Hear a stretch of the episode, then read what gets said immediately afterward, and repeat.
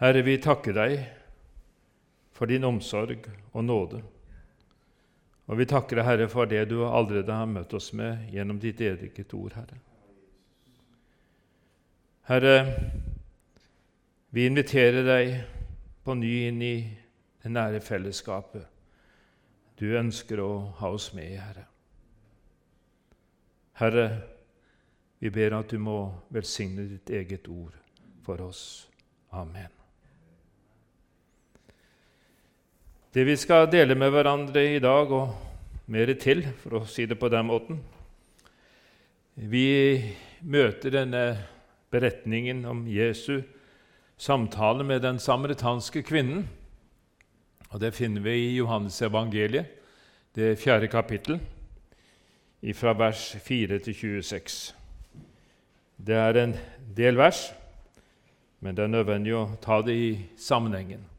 Johannes evangelium, det fjerde kapittel, fra vers 4 og ut til og med vers 26. Jesus han er altså i eh, Judea og skal til Galilea. Han måtte da reise gjennom Samaria. Han kom da til en by i Samaria som heter Sykar. Den ligger i nærheten av det jordstykket Jakob gav sin sønn Josef. Der var Jakobs brønn. Jesus var trett etter vandringen og satt nå der ved brønnen, og det var omkring den sjette time. Da kommer en kvinne fra Samaria for å dra opp vann. Jesus sier til henne, 'Gi meg å drikke.' Hans disipler var gått inn i byen for å kjøpe mat. Den samaritanske kvinnen sier til ham, hvordan kan du som er jøde, be meg, en samaritansk kvinne, om å få drikke? Jøder har nemlig ikke omgang med samaritanere. Jesus svarte og sa til henne, Kjente du Guds gave, og visste du hvem det er som sier til deg, Gi meg å drikke, så hadde du bedt ham, og han ville gi deg levende vann. Kvinnen sier til ham, Herre, du har ikke noe å dra opp vann med, og brønnen er dyp. Hvor har du da det levende vann fra? Du er da vel ikke større enn vår far Jakob, og som gav oss brønnen og selv drakk av den, og likeså hans sønner og buskapen hans. Men Jesus svarte og sa til henne, Hver den som drikker av dette vann, blir tørst igjen. Men den som drikker av det vann jeg vil gi ham, skal aldri i evighet tørste. Men det vann jeg vil gi ham, blir i ham en kilde med vann som veller fram til evig liv. Kvinnen sier til ham, 'Herre, gi meg dette vannet, så jeg kan slippe å tørste og gå hit for å dra opp vann.' Han sier til henne, 'Gå og ro på din mann, og kom så hit.' Kvinnen svarte, 'Jeg har ingen mann.' Jesus sa til henne, 'Med rette sa du, 'Jeg har ingen mann.' For du har hatt fem menn, og den som du nå har, er ikke din mann.' Der talte du sant. Kvinnen sier til ham, Herre, jeg ser at du er en profet. Våre fedre tilba på dette fjellet, og dere sier at Jerusalem er stedet hvor en skal tilbe. Jesus sier til henne, Tro meg, kvinne, den time kommer da dere verken skal be til, tilbe Faderen på dette fjell eller Jerusalem. Dere tilbyr det som dere ikke kjenner. Vi tilbyr det vi kjenner, for frelsen kommer fra jødene. Men den time kommer og er nå da de sanne tilbedere skal tilbe Faderen i ånd og sannhet, for det er slike tilbedere Faderen vil ha. Gud er ånd, og de som tilber ham, må tilbe i ånd og sannhet. Kvinnen sier til ham, Jeg vet at Messias kommer, og han som kalles Kristus. Når han kommer, skal han forkynne oss alt. Jesus sier til henne, 'Jeg er det, og jeg som taler med deg'.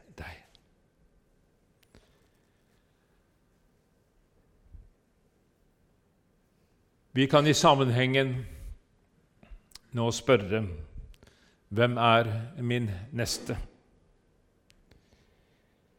Eh, sist søndag var det besøk fra Murmansk, Russland.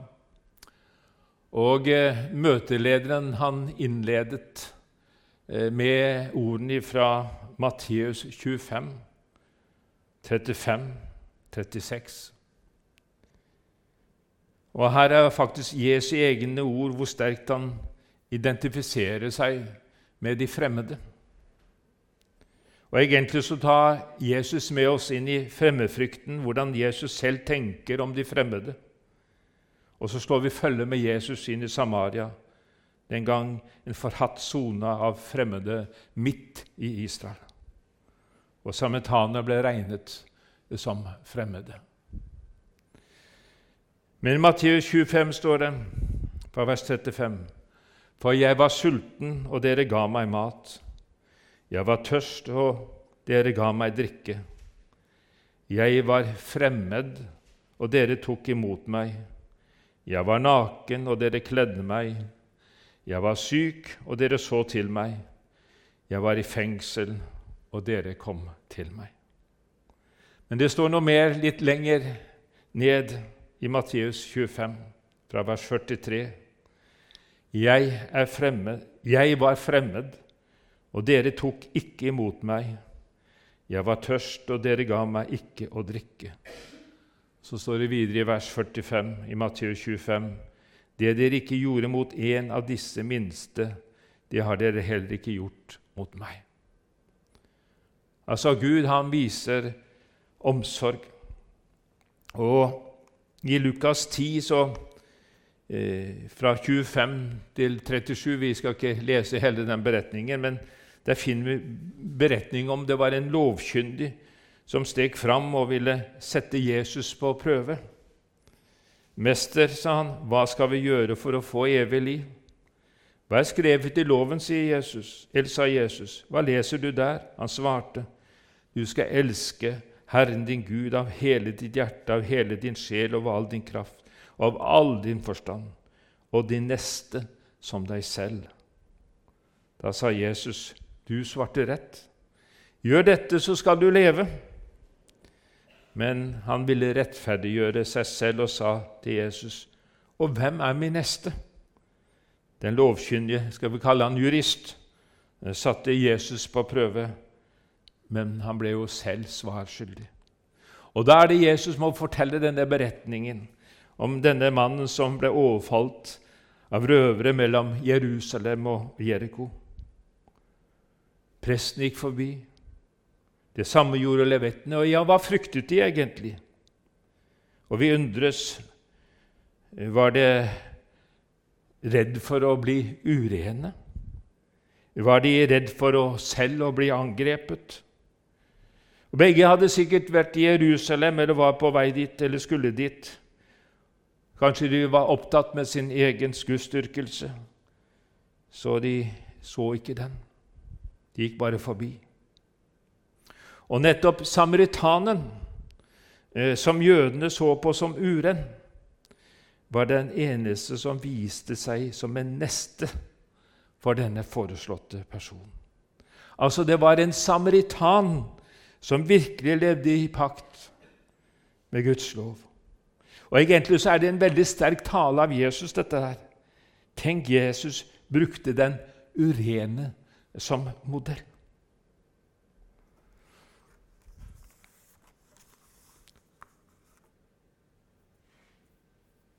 Hvem var samaritanerne? La oss stanse oss litt for det. For det er viktig for sammenhengen sin del. Jeg kunne sagt mye her, men vi får ta en kortversjon. Det er jo underlig å se hvordan Jesus identifiserer seg sterkt med samaritanerne. En folkegruppe som noen hundre år tidligere ble tvangsflyttet til Samaria. De hadde med seg sine fremmede guder da de kom, og gradvis så begynte de å tilbe Israels gud. Og Da israelittene kom tilbake fra fangenskapet i Babylon, så tilbød samaritaneren sin hjelp med å gjenreise Jerusalems murer og tempel. Det kan du lese om i Esra 4, 2-3. Men de fikk ikke lov til det. Og fra den tid så vokste jøder og samaritanere fra hverandre. Og det var egentlig et bittert fiendskap som oppsto mellom disse to. Og det var et anstrengt forhold også på Jesu tid. Ja, til og med Jesus ble jo anklaget for å være en samaritan og en besatt, står det i Johannes 8, 48. Altså, det var et kjølig forhold. Det var gjensidig. Og trosgrunnlaget, ja, det var jo på fullstendig kollisjonskurs. Og for jøder så var samaritanerne en stående utfordring. Men hvordan møtte Jesus dem? Og Vi har nettopp lest denne beretningen om Jesus' samtale med denne samaritanske kvinnen. Hvordan møtte Jesus denne folkegruppen? Det var ikke med fordømmelse. Jesus hadde virkelig interesse for dem og tok derfor med seg disiplene og gikk veien inn i Samaria. Og Da Jesus sendte disiplene ut på den første preketuren, så tillot han dem ikke å gå inn i de samaritanske byene. De hadde sikkert altfor mange fordommer til at det ville gå bra. Og I Lukas 17 så ser vi hvordan Jesu helbreder ti spedalske i grenselandet mellom Samaria og Galilea. Og det var kun én samaritan av de ti som kom tilbake og ga Gud æren og takket Jesus. Ble ikke alle rene, alle ti rene? Hvor er det de ni? Var det ingen andre enn denne fremmede som vendte tilbake for å gi Gud æren? Og så er det Jesus han utfordrer sine disipler til å gjøre noe med sine egne negative holdninger overfor samaritanerne. Og Lukas' evangeliet forteller om at Jesus gikk inn i en samaritansk landsby på vei til Jerusalem for å be om husdom. Men der ville de ikke ta imot ham. Og det er det Jakob og Johannes sier følgende i Lukas 9, 51 og utover. Herre, vil at vi skal by Tenk på det! By ild fare ned fra himmelen og fortære dem! Ja. Men Jesus avviste dette. Men han snudde seg til disiplene, og han streng, talte strengt til dem. Jesus han gikk ikke utenom Samaria. Og Her i denne beretningen i Johannes 4 så tar Jesus med seg disiplene og går veien gjennom Samaria. Og møtet med den samaritanske kvinnen ved Jakobs brønn og folket fra landsbyen Sykar viser Jesus hvordan han vil at hans etterfølgere skal ta utfordringene, de å krysse grenser og møte naboer som har en annen tro. Mange jøder brukte nemlig å gå utenom Samaria, på vei fra Judea til Galilea. Jeg vet ikke om dere ser for dere kartet. Judea, Samaria, Galilea. Og sametana det var jo betraktet som urene, og derfor var det tryggest å holde seg på avstand.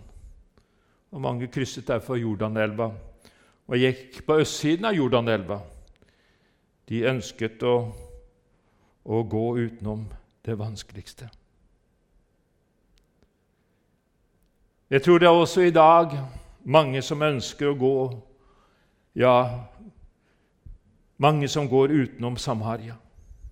Per Gynt han gikk utenom bøygen, fortelles det, enn å møte utfordringene ansikt til ansikt.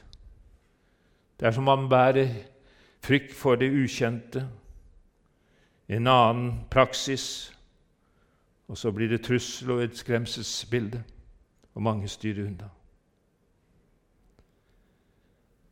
Men vi skal legge merke til at Jesus gikk til møteplassen i Samaria. Og møteplassen, hva var det? Jo, det var brønnen. da. Alle landsbyer hadde en brønn som de gikk til for å hente vann. Møteplassen var brønnen, og der brukte folk å komme sammen. Der ble nyheter utvekslet, og kanskje sladder også formidla. Brønnen denne var det sosiale møtestedet, slik som det er for mange kulturer den dag i dag. Hos er det kanskje andre møteplasser. ja. Jeg har tenkt i mitt stille sinn Noen sitter kanskje på sentrene og tar seg en kopp kaffe. Kanskje det er møteplassen i dag? Ja, dagens møteplasser er jo så forskjellige. Men Jesus han gikk ikke utenom Samaria, han gikk ikke utenom møteplassen. Og det tror jeg han heller ikke har gjort i dag. Jesus, Jesus han gikk til samlingsstedet i Samaria og Sykar, til brønnen der folket møttes. Jesus han ville sende sine ettfølgere til møteplasser der hvor mennesker møtes. Og der ønsker Jesus å være, hvor vi skal få dele Jesus-troen med andre mennesker, noe helt nytt. Og fortelle mennesker om det levende vannet som kan forvandle mennesker, slik som vi hørte om her og leste i denne beretningen fra Johannes 4. Hvor det viser at Jesus har møter den som virkelig har det vanskelig. Og Ved denne brønnen så kom den dagen en samaritansk kvinne. Kanskje en person som innenfor sitt eget samfunn opplevde det å være utstøtt. Hun kom jo til brønnen midt på dagen, eller på tida av dagen, da det ikke var naturlig for andre kvinner å hente vann. Da regnet hun med at da ville hun ikke treffe andre mennesker. Vi får et innblikk her i hennes familieliv. Jesus han fordømmer ikke denne kvinnen, men viser henne en ny dimensjon i livet. Det levende vann som er en kraftkilde i hverdagen. Samtalen, hva handler den om? Jo, den handler om livstørste. Den handler om lengsler. Det er en tørst etter Gud som noen må stille. Og uten å få møtt sine behov, så har hun prøvd det meste. Jesus han går jo i nærkontakt med høyst personlige og moralske spørsmål. Og hva er det som skjer? Jo, Jesus han ber om en tjeneste. Ja, Jesus ber om en tjeneste. Jesus var tørst etter en lang vandring på en støvete landevei i stekende sol. Så ber han om å få vann av en kvinne, av denne kvinnen. Og Dette spørsmålet det åpner for kontakt. Hvordan kan du som er jøde, be meg, en samaritansk kvinne, om å drikke?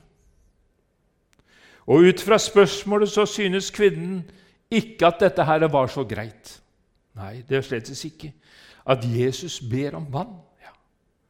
For det første så var han en mann, og hun var en kvinne. Og for det andre så var han en jøde, og hun en samaritan.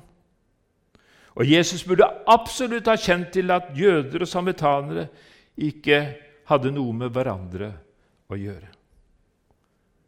Hva viser dette oss?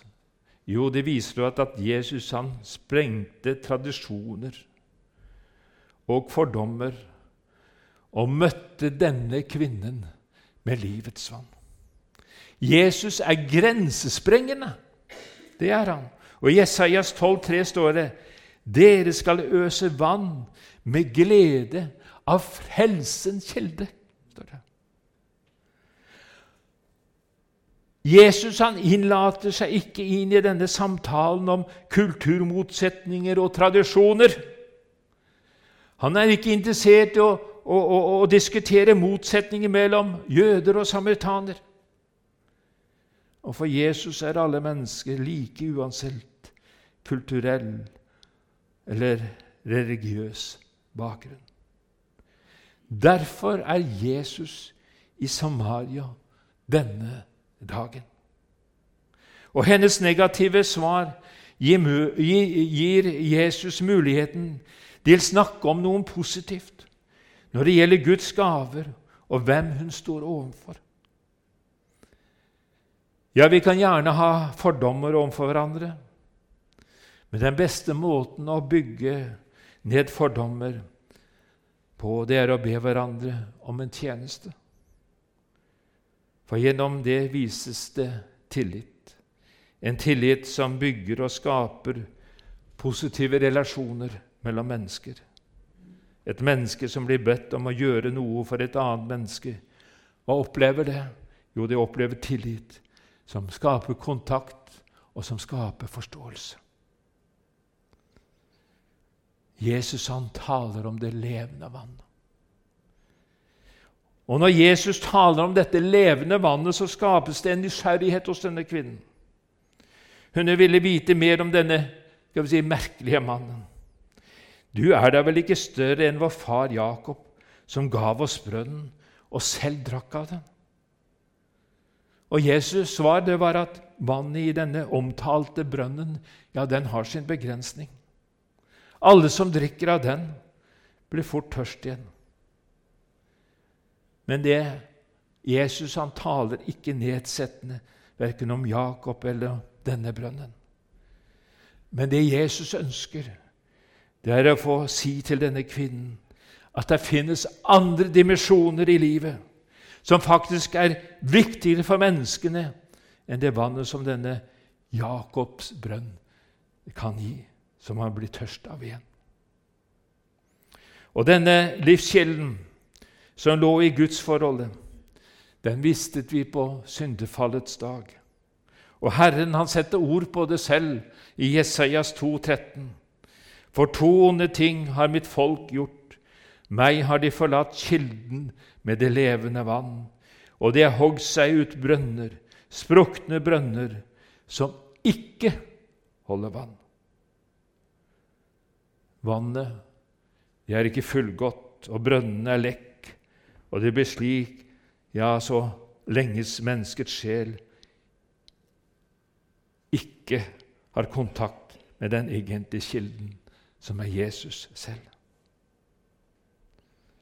Og Jesus' samtale er egentlig en form for skal vi bruke sånt et uttrykk, for brønngraving, hvor han fikk hjelpe henne til å finne fram til den egentlige kilden seg selv, nemlig Jesus selv.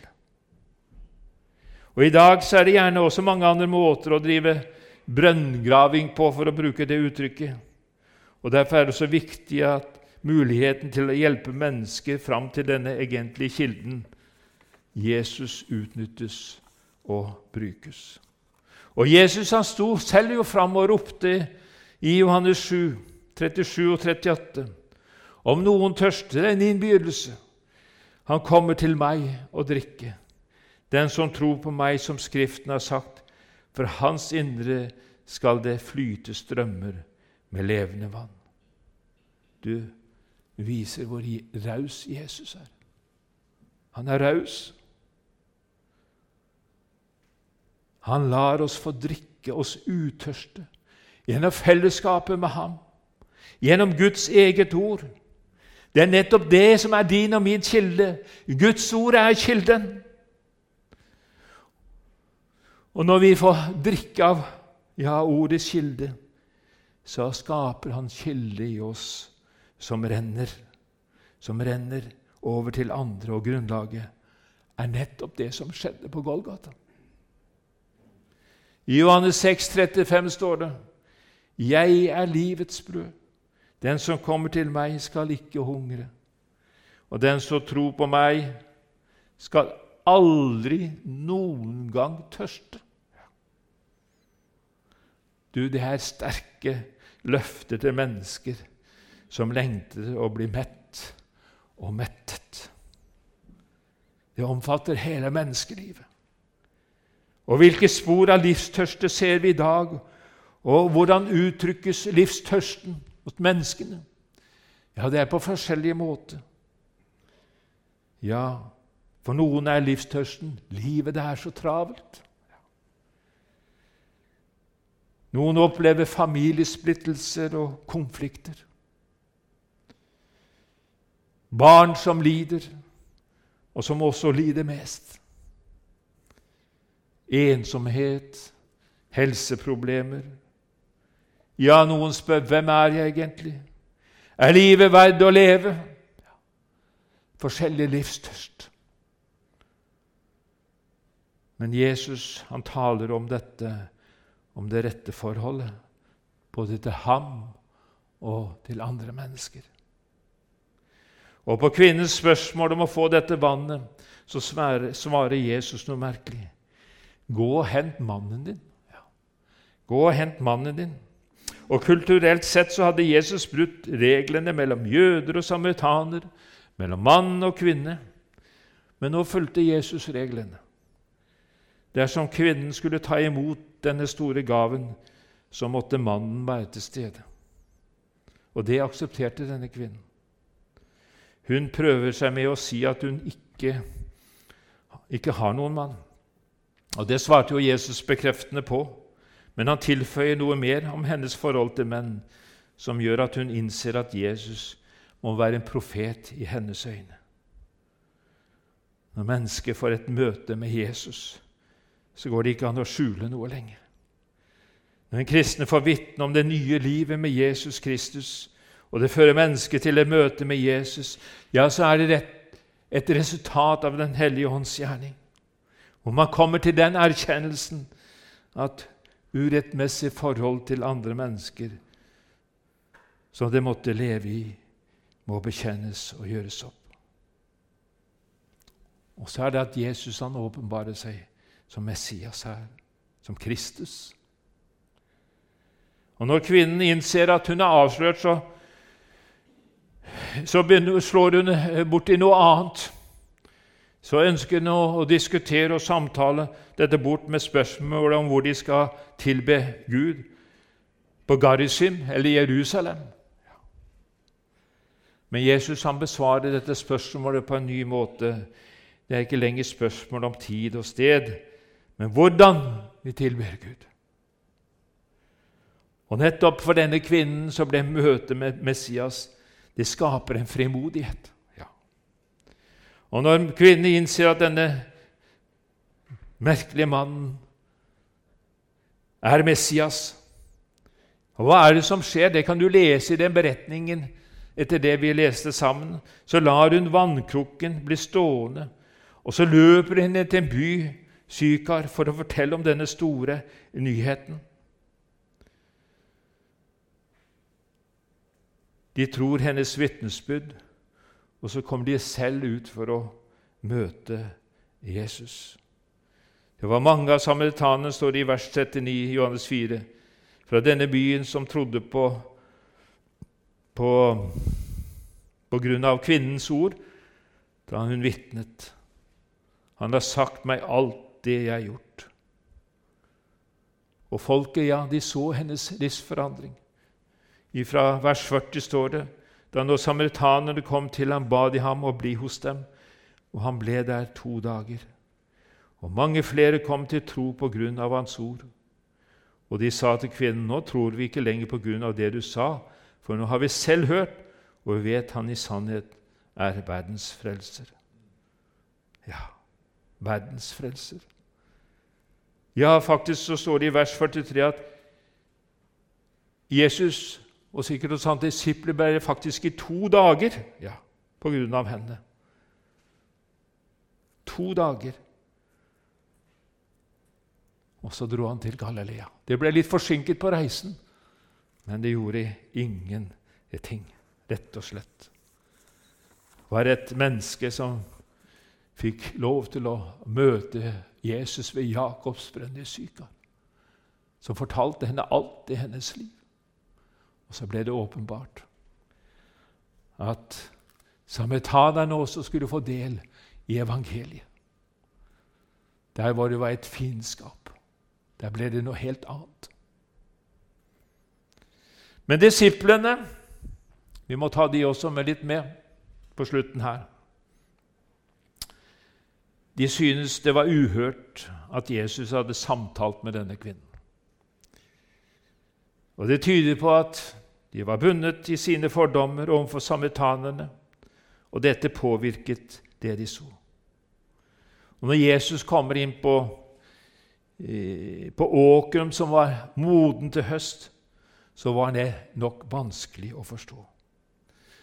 Men senere så fikk de fulle si at Samaria hørte med når evangeliet skulle forkynnes for alle folkeslag. Du leser om i apostelgjerningene 1,8. Og det hindret dem i tjenesten. De så ikke at Samaria også hørte med til evangelieforkynnelsen.